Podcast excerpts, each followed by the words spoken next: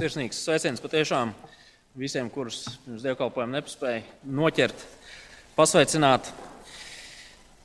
Šajā dienā, kā jau Anna teica, mēs turpināsim domāt par labo radību, par labo kārtību.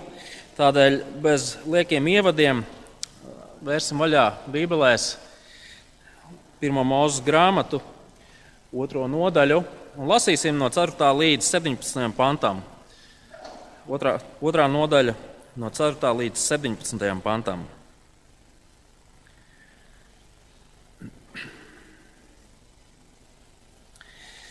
Šīs ir debesu un zemes paudzes, dienā, kad tās tika radītas. Kad kungs Dievs taisīja zemi un debesis, uz zemes vēl nebija nekāda lauku krūmāja, un lauku stādi vēl nebija sazāluši, jo kungs Dievs vēl nebija līdzis līt pār zemi, un vēl nebija cilvēki, kas zemi apstrādātu. Un no zemes pacēlās migla un padzirdīja visu zemes virsmu. Un kungs Dievs izveidoja ne, no zemes pīšļiem cilvēku un iepūta viņa nāsīs dzīvības dvašu. Un cilvēks kļuva par dzīvu būtni. Un kungs Dievs stādīja dārzu austrumos no ēdienas un ielika tur cilvēku, ko bija veidojis. Un kungs Dievs audzēja no zemes visādus, visus kokus, kas tīkami skatam un labi ēšanai, un dārza vidū bija dzīvības koks un laba un ļauna atzīšanas koks. No ēdienas izplūda upe, lai dzirdinātu dārzu. Tur tā sadalījās četrās straumēs. Pirmās vārds ir pīšona, tā apvija visu Havīlas zemi, kur ir zelts. Tās zemes zelts ir labs, tur ir dedlīs un onīksi. Otrās upes vārds ir Gīhona, tā apvija visu kūša zemi. Trešās upes vārds ir Hidekele, Tā tek no Asīrijas uz austrumiem, un ceturtā upe ir Perāta. Un kungs Dievs ņēma cilvēku un iemitināja viņu ēdienas dārzā, lai viņš to sargā un apstrādā. Un kungs Dievs pavēlēja cilvēkam ēd no visiem dārza kokiem, bet no laba un ļauna atzīšanas koka nēd. Jo tajā dienā, kad tu no tā ēdīsi, tu mirtin mirsi. Lūksim Dievu, un tad mēģināsim pārdomāt šo raksturvietu.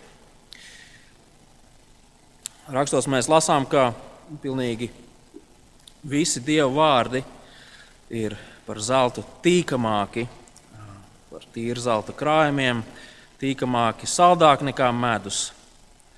Vistīrākais medus un dievu vārdi. Dievu kalpiem liek atcerēties, ka tas, kas tos ievēro, manto daudz. Tad lūdzām, lai mums šajā dienā būtu patiesa izsalkums pēc Tava vārda, lai mēs patiešām to novērtētu kā vislielāko dārgumu. Palīdz mums to saprast, palīdz mums Tavu vārdu patiesību savā dzīvē izdzīvot. Amen. Zināma gada gājuma cilvēki, laikam, ar prieku droši vien šajā brīdī ir jāsaka, es arī piedaru pie šiem cilvēkiem, Zinām, kad gājām cilvēki saka, mēs, kad mēs augām, tad gan, tad gan dzīve bija labāka.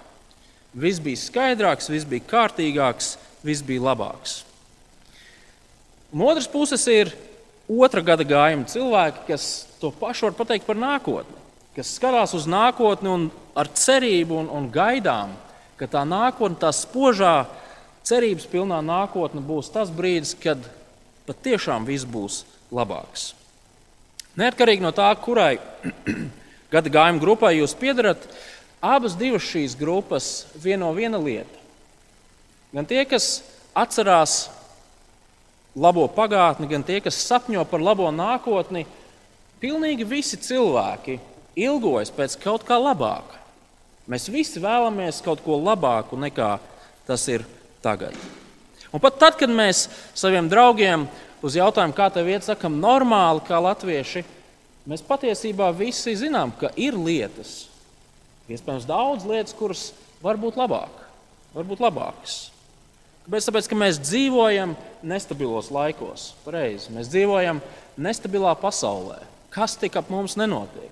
Arī mūsu pašu dzīves ir ļoti nestabilas. Tās ir trauslas un vārgas, mūsu rakstura vājības, mūsu grēcīgās tendences, viss tas mums liek ilgoties pēc kaut kā cita, pēc kaut kā labāka.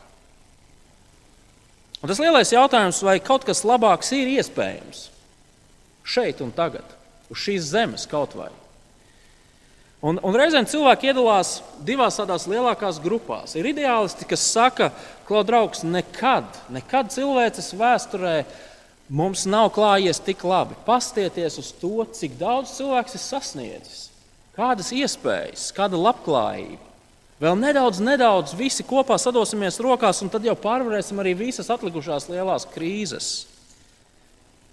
Un tad ir tie otri, tie realisti, kas saka, jā, var būt. Varbūt patiešām milzīgs lēciens attīstībā ir noticis, taču no otras puses, nekad iepriekš cilvēces vēsturē nav bijis tik milzīgs depresiju un pašnāvības skaits, kā tas ir tagad. Nekad iepriekš cilvēces vēsturē nav bijuši tik daudz vientuļi cilvēki, tik daudz salauztas attiecības, šķirtas laulības. Turklāt, par kādu progresu gan mēs varam runāt? Ja visas vecās klapatas joprojām ir daļa no mūsu dzīves, slimības, kari, bats, dabas katastrofas, nāve. Un kāds gan tur brīnums, kad mēs cilvēki, apzinoties to, kādā pasaulē mēs dzīvojam, un tās skarbo realitāti, mēs lasām pirmās mūzes grāmatas otrās nodaļas raksturvietu, un mēs pie sevis domājam, cik jauks stāsts. Cik labs, cik labs stāsts. Es, es domāju, kāda ir šī stāsta morāla? Ko man no tā mācīties? Šīs dienas raksturvieta nav stāsts, sāksim ar to, bet gan vēsture. Tā apraksta reālu vietu, vietu uz šīs zemes. Šai vietai ir savas GPS atrašanās koordinātas. Šī labā vieta, kurā mēs visi gribētu būt un pēc kuras mēs patiesībā visi ilgojamies, tā ir reāla vēsturiska realitāte. Nevis cēla ilūzija, ko mēs, nabaga pīšļu ļaudis, mēģinām kaut kā mākslīgi sevi iedvesmot, lai varētu izturēt šo dzīvi, nekļūstot par veciem ciniķiem. Vecāki jūs bērniem mājās paskaidrojat, ko nozīmē vārds ciniķis. Tas ir jūsu ziņā, jums tas ir jāizdara. Ja gribat, šie panti mūs aizved tādā nelielā ekskursijā uz ēdenes dārzu, uz šo reālo seno, seno vietu, uz šīs zemes. Vārds ēdena tulkojumā nozīmē pārpilnību, bagātību, bauda. Un ļaujot ieskatīties mums šajā ēdienas dārza ainiņā, šajā ekskursijā, autors vēlas, lai mēs ieraugam divas ļoti svarīgas lietas. Pirmkārt, autors vēlas, lai mēs redzam, kur tad iesākās cilvēces vēsture. Tā iesākās šajā pārpilnības dārzā. Dieva nodoms radot šo pasauli un cilvēku tajā bija kaut kas labs, pilnīgs, skaists, tāds, ko var baudīt ar prieku. Paradīze, kā mēs reizēm sakām, ir Dieva mērķis cilvēkam. Tā ir pirmā lieta, ko mēs redzam šajā raksturvietā. Otrkārt, mūsu ekskursijas laikā mēs nepārprotami esam spiest ieraudzīt to, ka dzīve ēdienas dārzā iet roku rokā ar kādu svarīgu pienākumu, jeb atbildību. Dzīve šajā paradīzē nav iedomājama bez paklausības un attiecībām ar Dievu. Tas nav iedomājams. Bet kas tad mums ir īsti jāmācās šodien no, šiem, no šī apraksta? Draugi, mēs tieši tāpat kā šīs, šo vārdu pirmie lasītāji, mēs nedzīvojam šādā vietā. Mēs to neesam piedzīvojuši. Mūsu vecāki un vecāki neko tādu nav piedzīvojuši. Bet šīs dienas raksturvietas mēģis nav uh, mums, mums pakaitināt. Redz, kā kādreiz bija un nekad vairs nebūs. Tas nav šīs raksturvietas mērķis. Ja mēs lasītu pirmo mūža grāmatu tālāk, mēs redzētu to, kā Dievs saviem ļaudīm dod apsolījumu. Kādu dienu jūs nonāksiet labā, ļoti labā vietā, kur piens un medus tek. Dievs apsola cilvēku ievest paradīzē. Šīs dienas raksturvieta ir kā tāda reklāma cilvēkiem, kas ir ceļā uz šo galamērķi. Un, ja mēs pasteidzamies notikumiem pa, pri, uz, pa priekšu un aizskanam līdz pašām, pašām Bībeles beigām, mēs redzam, ka patiesi Dievs ir piepildījis to, ko Viņš ir solījis. Viņš ir cilvēkam uzdāvinājis paradīzi. Vieta, kur cilvēks, šo labo vietu, kur cilvēks var dzīvot kopā ar Dievu. Un tādēļ šīs dienas raksturvietas mērķis ir mūs, mūs, mums stiprināt mūsu pārliecību par Dievu, kura nodoms ir būt kopā ar viņam uzticīgiem ļaudīm, pilnīgā un labā pasaulē. Paradīze, ēdienas dārzs ir realitāte, kas sagaida ikvienu, kurš ir patiesās attiecībās ar Dievu. Mēs varam būt par to droši.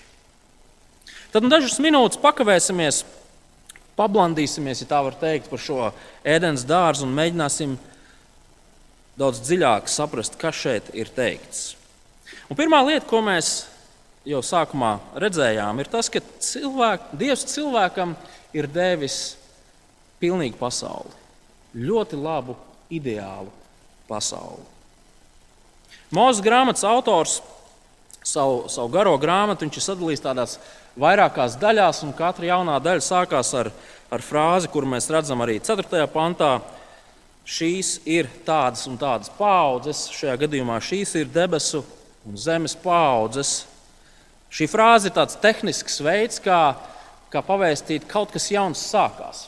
Un, protams, šeit nav runa tik daudz par pēcnācējiem, tādā burtiskā nozīmē, bet drīzāk par to, nu, kas tad izriet no debesu un zemes radīšanas. Kas, kā, kāds ir mērķis debesu un zemes radīšanai?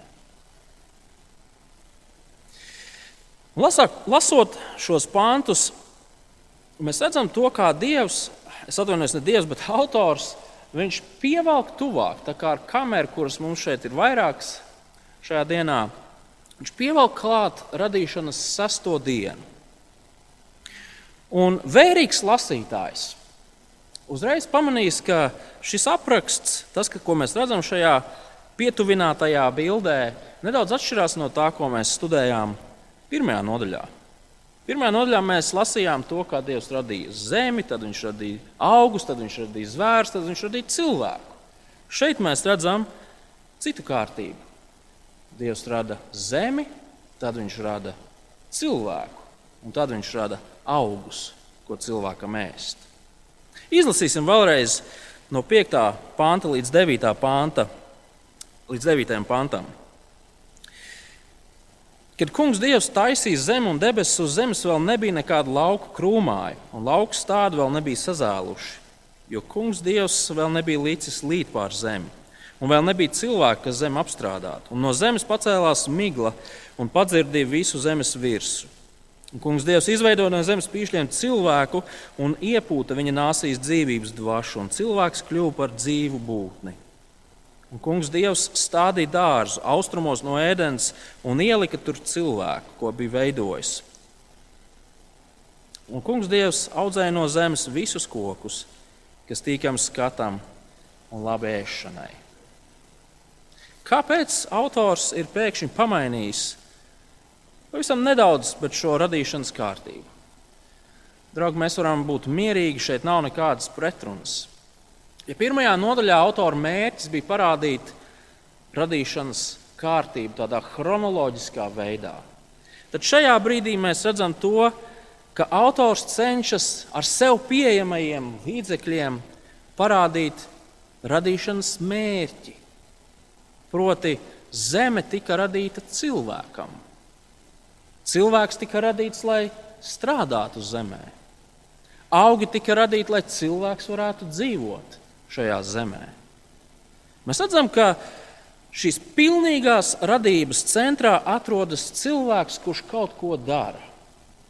Tas ir tas, ko autors vēlas, lai mēs domājam šajā brīdī. Cilvēks, kuram ir kāds konkrēts uzdevums, ir tas, par ko mēs esam spiesti domāt, lasot šo, šos pantus. Bet kāda tad bija šī vieta, kurā, kurā Dievs ielika cilvēku, ko bija veidojis. 8. un 9. pāns vēlreiz. Un kungs Dievs stādīja dārzu austrumos no ēdienas un ielika tur cilvēku, ko bija izveidojis, un ielika, ko bija izveidojis, un kungs Dievs audzēja no zemes visus kokus, kas tīkami skatam un labi ēšanai. Un dārza vidū bija dzīvības koks un laba un ļauna atzīšanas koks. Es pieminēju, ka šim dārzam šai vietai ir GPS atrašanās koordināts. Diemžēl man viņas nav pieejamas, taču tā ir reāla vieta. Tā ir reāla vieta, un tā ir pārpilnības pilna vieta. Šajā dārzā ir viss, kas dzīvībai ir nepieciešams. Tā ir skaista vieta.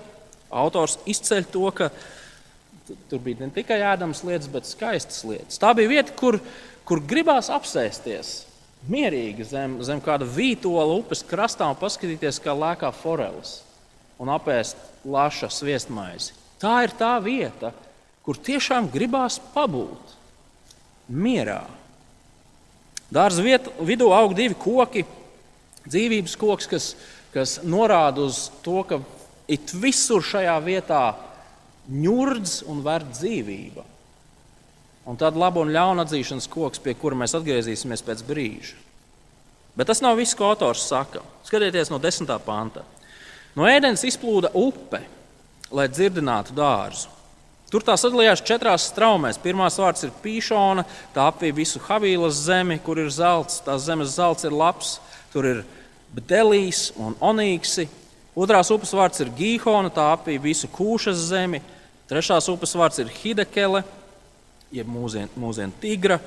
Tā tek no Asīrijas uz austrumiem, un ceturtā ir Perāta, jeb mūsdienu Eifrata. No šeit minētajām upēm mēs pazīstam tikai divas, Tigru un Eifratu, kas no Ararata kalniem izplūst un tek cauri mūsdienu Turcijas, Sīrijas um, un, un uh, Irākas teritorijām. Otras divas upes mēs nezinām, kur tās ir, bet ir svarīgi saprast to, ka šeit ir runa par kaut ko ļoti reālu. Autors mums iedod geogrāfiju, cilvēkiem zināmus nosaukumus. Turklāt, ja mēs būtu ebreji, tādi mēs neesam, varbūt kāds no mums šeit ir, tad skaitlis četri arī nav mazsvarīgs mums kā ebrejiem. Skaitlis četri ir pilnības, radības, pilnības skaitlis. Un tas ir vēl viens veids, kā, kā autors pasakā, tā vieta, šī reālā vieta, viņa ir pilnīgi perfekta. Tur ir viss vajadzīgais. Tur ir ūdens, kur ir ūdens, tur ir dzīvība. Tāpat autors vēlas, lai mēs zinām, ka tur ir zelts, kas ir labs zelts, nevis slikts zelts. Tur ir šie neizrunājamie dārgakmeņi, kurus es neesmu savā dzīvē droši vien redzējis.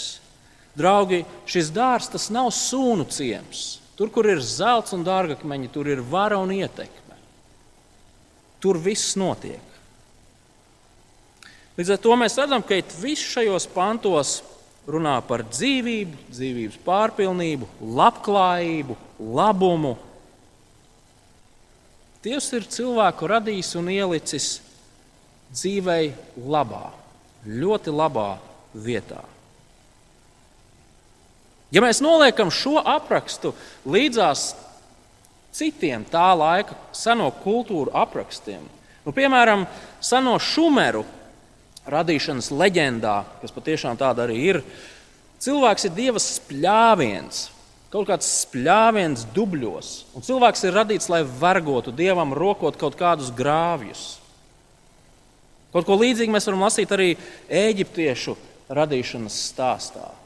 Cilvēks nav nekas, struntiņš, kurš ir iemests dubļos, lai vergotu dieviem.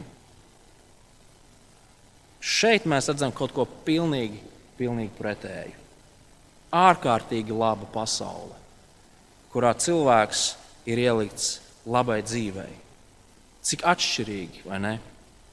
Dievam ir ārkārtīgi labs nodoms attiecībā uz cilvēku.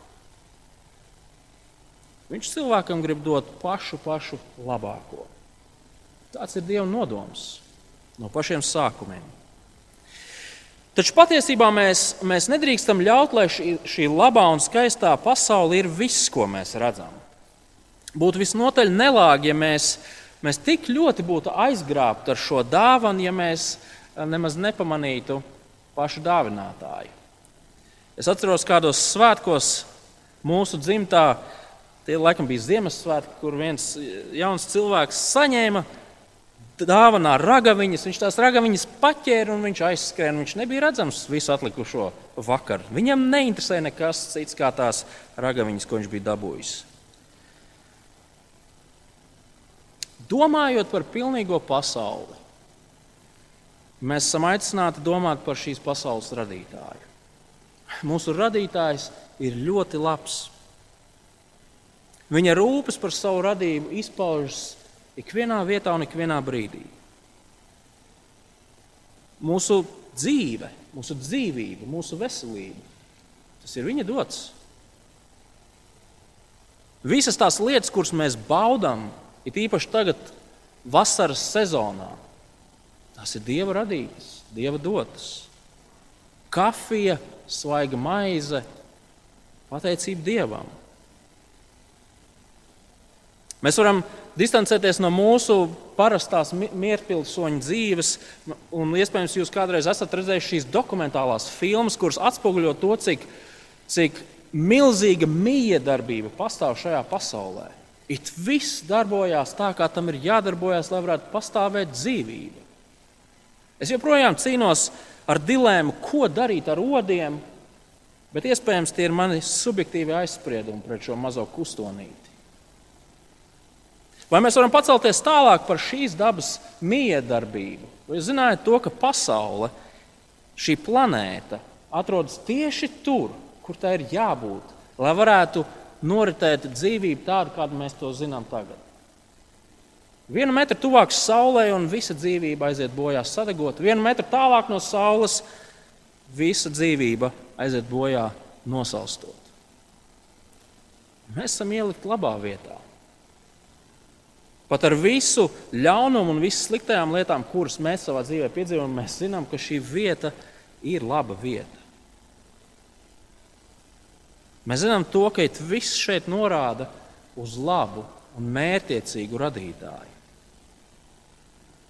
Un, draugi, tas nozīmē to, ka mums savā ikdienas dzīvē vajadzētu vairāk pateikties Dievam, savam radītājam. Par viņa labestību, par viņa gādību, par viņa par viņa prasmēm un iespējām, ko viņš ir devis, par skaisto, par labo. Ir tik daudzas lietas, kuras mēs uztveram kā pašsaprotamas, bet par kurām mums vajadzētu pateikties. Iespējams, tas izklausās pēc tādas svētdienas skolas uzdevuma, bet aiziet mājās, paņemiet A4 lapu un uzrakstiet simts lietas, lielas, mazas, sīkas, svarīgas, par kurām jūs esat priecīgi savā dzīvēm. Simts lietas. Varam taču, vai ne? Un pēc tam skatieties uz šo sarakstu un pateicieties Dievam. Vai pēc dievkalpojuma jūs varat minēt trīs lietas savam blakus sēdētājam, par kurām jūs esat priecīgi, par kurām jūs esat pateicīgi Dievam? Skatoties uz mūsu dzīvi un to, kur mēs dzīvojam, mums ir jāvairo sevi pateicība Dievam. Pirmie cilvēki, senais Izraels, kas lasīja šos vārdus, viņi bija bijušie vergi. Dievs viņus ir atbrīvojis no šīs šausminošās verdzības, izvedis cauri jūrai, ievedis tuksnesī un devis apsolījumu, kādu dienu es jūs ievedīšu šajā labajā zemē, vietā, kur piens un, piens un medus tek. Dievs grib, lai šie cilvēki zina to, kas viņus sagaida. Un ļoti iespējams, tieši tādēļ mēs arī lasām par šiem um, ēdienas dārza notikumiem. Zini, kas sagaida tos, kas tic un seko dievam glābējiem. Lūk, kāda ir tava nākotne, lūk, kas par dzīvi tevi sagaida. Un, manuprāt, līdzīgi šīs dienas raksturvieta māca arī mūsu. Tā izaicina arī mūs. Ne tikai domāt un pateikties par visu labo, kas ir šeit un šodien mums pieejams, bet ilgoties pēc tās pilnības, kas vēl ir tikai nākotnē. Pēc vietas, kurā nebūs ļaunuma, kurā nebūs nepilnības, kurā nebūs trūkuma, kurā nebūs grēka mūsu un citu, kur būs dzīvības pārpilnība, labklājība, absolūts skaistums, miers. Draugi, cilvēki, kas ilgojas pēc paradīzes, viņi nav naivi ļaudis. Viņi nav kaut kādi jokaiņi, kuriem ir vajadzīga viltus cerība. Nē, Dievs grib, lai mēs domājam par paradīzi, lai mēs domājam par šo perfekto vietu. Jo tāds ir Dieva nodoms cilvēkiem. Taču paradīze, jeb ēdene, tā nav iedomājama bez Dieva. Bez Dieva atzīšanas, bez paklausības Dievam. Un tā ir otrā lieta, kuru mēs redzam šajā skaistajā pārpilnības dārzā. Proti, Dievs cilvēkam deva kādu ļoti atbildīgu uzdevumu, svarīgu pienākumu. Un tad, kad Dievs bija devis šo pienākumu, Dievs deva arī pavēli, ārkārtīgi svarīgu pavēli. Dzīve ēdienas dārzā jau no pašiem sākumiem iet roku rokā ar cilvēka attiecībām ar Dievu. Skatieties no 15. līdz 17. pantam. Un kungs Dievs ņēma cilvēku un iemetināja viņu ēdienas dārzā, lai viņš to sargā un apstrādā. Un kungs Dievs pavēlēja cilvēkam: ēd no visiem dārza kokiem, bet no laba un ļauna atzīšanas koka nēd. Jo tajā dienā, kad tu no tā ēdīsi, tu mirdams mirsi. Vispirms par uzdevumu, kurš šeit nav izteikts uh, skaļi un skaidri, bet mēs viņu šeit redzam. Cilvēks ir ielikts dārzā, lai to sargātu un to apstrādātu. Re, reizēm, tāds jautrāks noskaņojums, cilvēki reizēm pat gudri vīri spriedzelē, nu, ko tas nozīmē, vai Ādamam un Ievai vakaros ir jāizslēdz tas dārzs, un tad no rītiem jāatslēdz, vai tas nozīmē, ka viņiem jārašinās pa pa, pa dārzeņu dobītēm un, un jālaist puķis. Kas, kas tas ir? Ko nozīmē sargāt, ko nozīmē apstrādāt? Patiesībā tuvais konteksts, ko mēs jau esam lasījuši, mums palīdz saprast, ko nozīmē un ko Dievs sagaida no cilvēka. Atcerieties, pirmās nodaļas 26. pantā, pirms Dievs rada cilvēku, viņš jau izsaka to, kādam nolūkam cilvēks tiks radīts. Skatieties, 26. pantā. Dievs teica, taisīsim cilvēku pēc mūsu tēla, pēc mūsu līdzības, lai tas valda pār zivīm jūrā, pār putniem debesīs un pār visiem rāpuļiem, kas rāpo pa zemi. Taisīsim, lai tas valda, lai tas pārvalda. Dievs rada cilvēku pēc sava tēla, un tas tēls slēpjas cilvēka uzdevumā. Dievs cilvēkam uztic uzdevumu pārstāvēt sevi šajā pasaulē, šajā labajā pasaulē. Ja kaut ko var uzzināt par Dievu, to var izdarīt caur cilvēku. Skatoties uz, uz šiem staigājošajiem vēstniekiem, Dieva vēstniekiem, tas ir tas, kas cilvēkam ir jādara. Pārstāvēt Dievu nozīmē rūpēties par to, ko Dievs ir radījis. Tas nozīmē sargāt to, ko Dievs ir radījis. Un tieši tas ir tas, ko mēs šeit redzam. Dievs ieliek Ādamu ēdienas dārzā, lai Ādams to sargā, lai Ādams to apstrādā. Draugi, lai gan tā nav galīgi nav šīs raksturietas galvenā doma, Taču gribu, ka mēs vienu minūtē tomēr veltām. Protams, mēs redzam, ka darbs pēc būtības ir laba lieta. Nē, it īpaši jaunieši, mācības un darbs nav grēkā krišanas sekas. Lai kā mums reizēm negribētos arī izmantot šo uh, gājienu. Darbs, ja tas ir likumīgs un morāls, ir laba lieta. Tā ir laba lieta. Un mums nav jāagonē un jāpavada laiks lauzot galvu par to, vai tas, ar ko mēs dzīvē nodarbojamies, vai tas dievam ir tīkams vai tas nav dievam tīkams. Bībele par darbu tā nerunā. Tā vietā, ja, mēs, ja mums vajadzētu veikt tādas nopietnas studijas par to, ko Bībele saka par darbu šajā pasaulē, kuram cilvēks ir radīts. Mēs redzētu četras lielas lietas, pavisam ātri. Pirmkārt, mēs redzētu to, ka cilvēkam ir jāstrādā. Pavisam vienkārši. Ja cilvēks nestrādā, viņš nedabū maizi. Protams, katram darbam ir sava garoziņa. Bet mums ir jāstrādā. Tas ir tas, ko Dievs ir paredzējis. Dievam patīk, ka cilvēks strādā.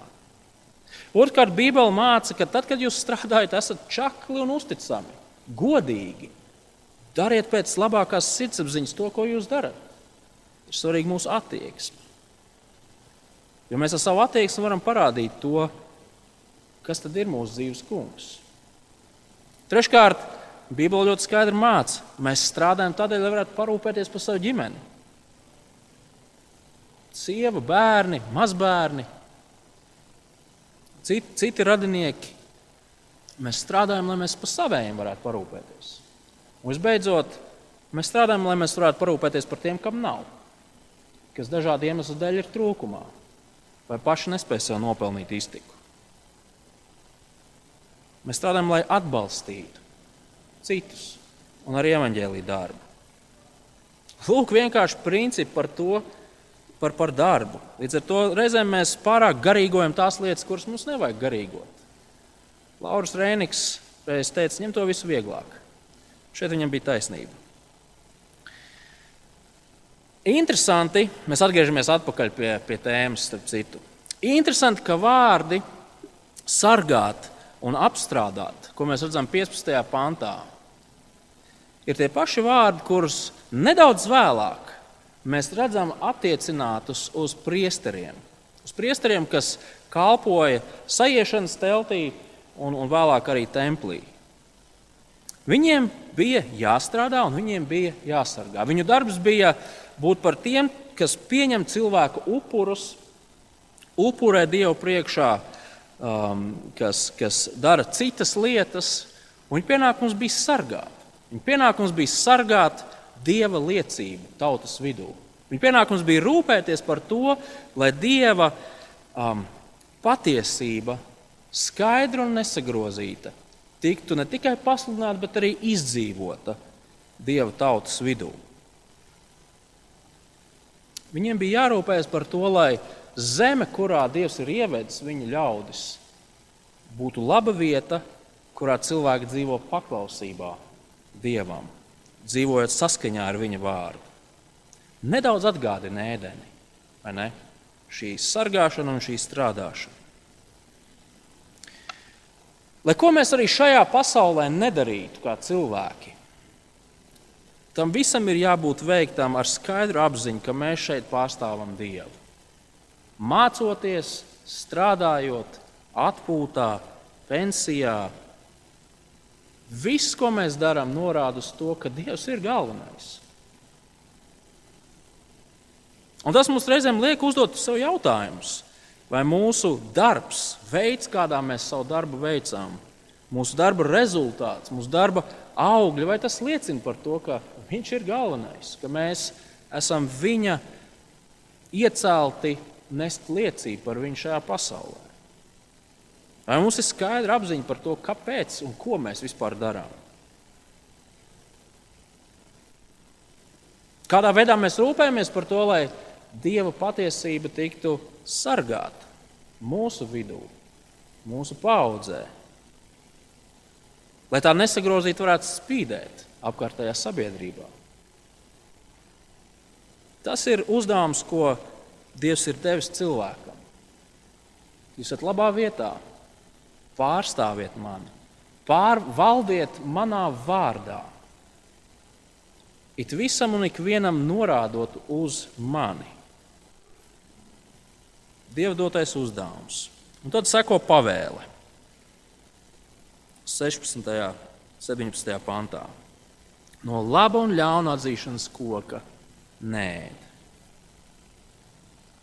No visiem dārza kokiem ēd, bet no laba un ļauna atzīšanas koka nē. Jo tajā dienā, kad tu no tā ēdīsi, tu mirtini mirsi. Kas tas par koku? Atbilde ir, mēs nezinām.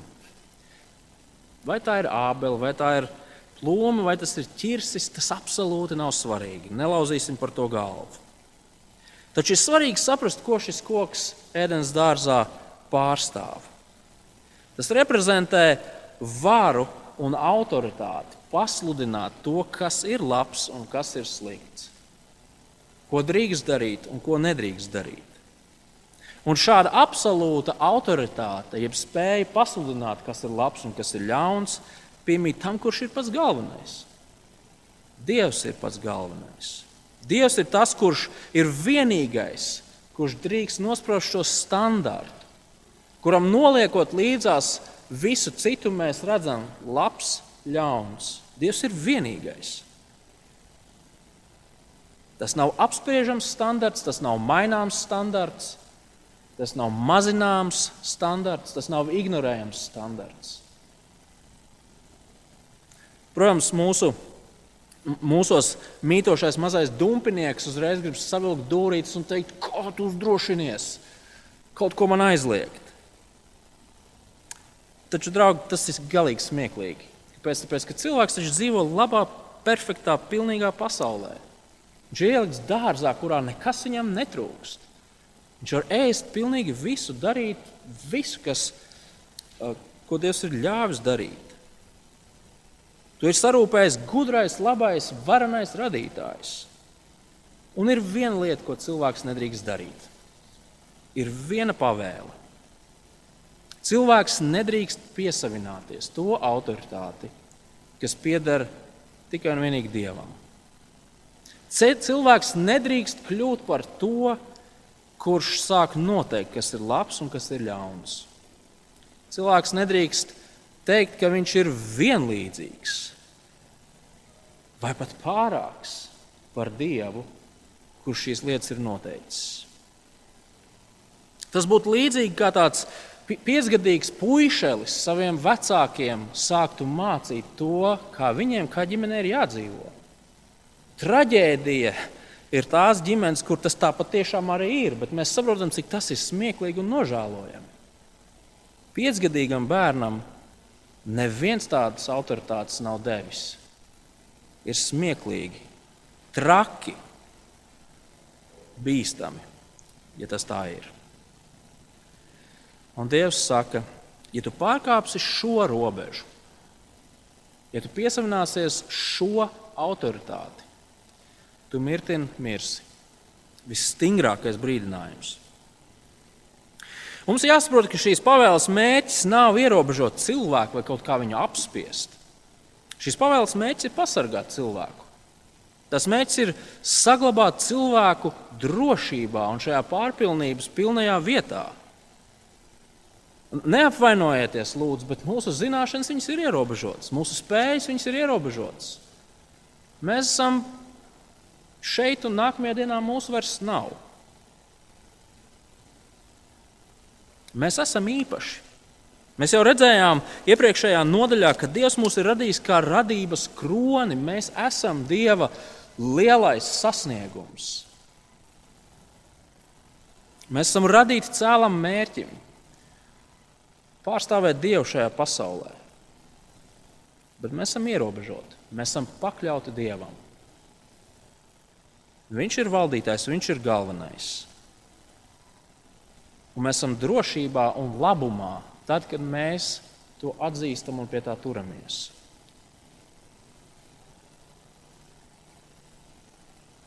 Dzīve paradīzē, šajā labajā vietā uz zemes, nav iedomājama un iespējama, ja cilvēks nav attiecībās ar Dievu, paklausības attiecībās ar Dievu. Kādā no nākamajām sēdienām mēs runāsim par to, kas tad nogāja greizi. Un mēs redzēsim to, ka cilvēks teica, nu, pagaidi, nu, es pamēģināšu. Es pamēģināšu būt autoritāte pats sev. Un mēs redzēsim, cik traģiski tas viss izvērtās. Bet šodien mēs esam aicināti vērst savu skatu uz savu radītāju, pateikties viņam par viņa labumu, skaistumu, varenību, gādību, mērķtiecīgumu. Dievs vēlas cilvēku ievest šajā labajā vietā. lai Dievs būtu kopā ar saviem cilvēkiem uz visiem laikiem. Un tieši tādēļ Dievs šajā stāstā ir sūtījis savu dēlu, kurš ienāca šajā pasaulē, šajā salauztajā vietā, lai caur viņa nāvi cilvēks varētu iegūt izlīgumu un mieru ar Dievu. Lai caur viņa nāvi Dievs varētu cilvēkam dāvāt šī brīnišķīgā apsolījuma piepildījumu. Lai kādu dienu cilvēks varētu nonākt tur, kur Dievs jau pašā sākumā gribēja cilvēku ievest. Pilnīgajā, labajā, ideālajā vietā, kur cilvēks dzīvo pārpilnībā kopā ar savu radītāju. Un līdz ar to mēs šo dzīvi varam pavadīt pateicoties Dievam par to, kas ir, par visām tām labajām lietām, visām iespējām, ko Dievs mums ir devis. Dzīvosim šo dzīvi paklausot Dievam. Dievs nav kluss un mēms, viņš ir teicis, ko viņš sagaida no saviem ļaudīm. Vienlaikus nekavēsimies tikai pie šīs zemes dzīves un šīs pasaules, bet ilgosimies pēc tās brīnišķīgās vietas, ko Dievs ir sagatavojis tiem, kas ir viņa ļaudis. Ilgosimies pēc nākotnes. Nobeigumā izlasīsim no atklāsmes grāmatas dažus pantus, kas mums ļoti skaidri parāda to, kāda tad būs šī vieta, kuru Kristus ar savu krusta nāvi, augšām celšanos ir sarūpējis un apsolījis ikvienam, kurš turās pie viņa.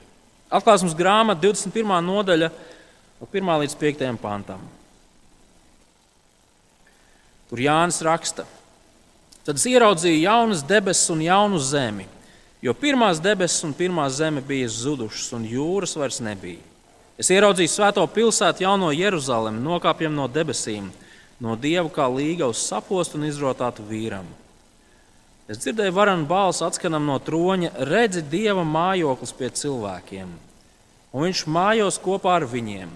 Viņi būs viņa tauta, pats dievs būs ar viņiem un būs viņu dievs. Un dievs noslaucīs visas asars no viņu acīm un nāves vairs nebūs.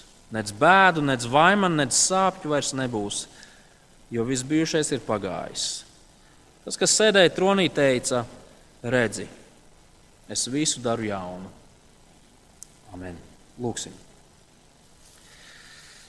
Dabas tās mēs esam tev pateicīgi par to, ka tu mums esi savā vārdā devis šīs nodaļas, kurās mēs redzam tavu sākotnējo nodomu. Un arī šīs nodaļas, kurās mēs redzam to, kā tad viss beigsies. Tās mēs lūdzam, lai šīs, šīs ainas mūsu acu priekšā palīdz mums dzīvot tagad. Tās, lai tās mums palīdz tad, kad dzīvē ir grūti, lai tās palīdz mums pārāk nepieķerties šie, šai pasaulē, bet lai šīs uh, ainas mums atgādina to, kāds ir tavs nodoms mums un ko mēs caur Kristu tevī saņemam. Dabas Tēvs palīdz mums ilgoties pēc tās dienas, kad mēs patiešām vajag vaigā būsim kopā ar tevi. Bet līdz tam palīdz mums pārstāvēt tevi uz šīs zemes, darot darbus tavam godam un sargājot tavu patiesību šajā sabiedrībā. To lūdzam Jēzus vārdā. Amen.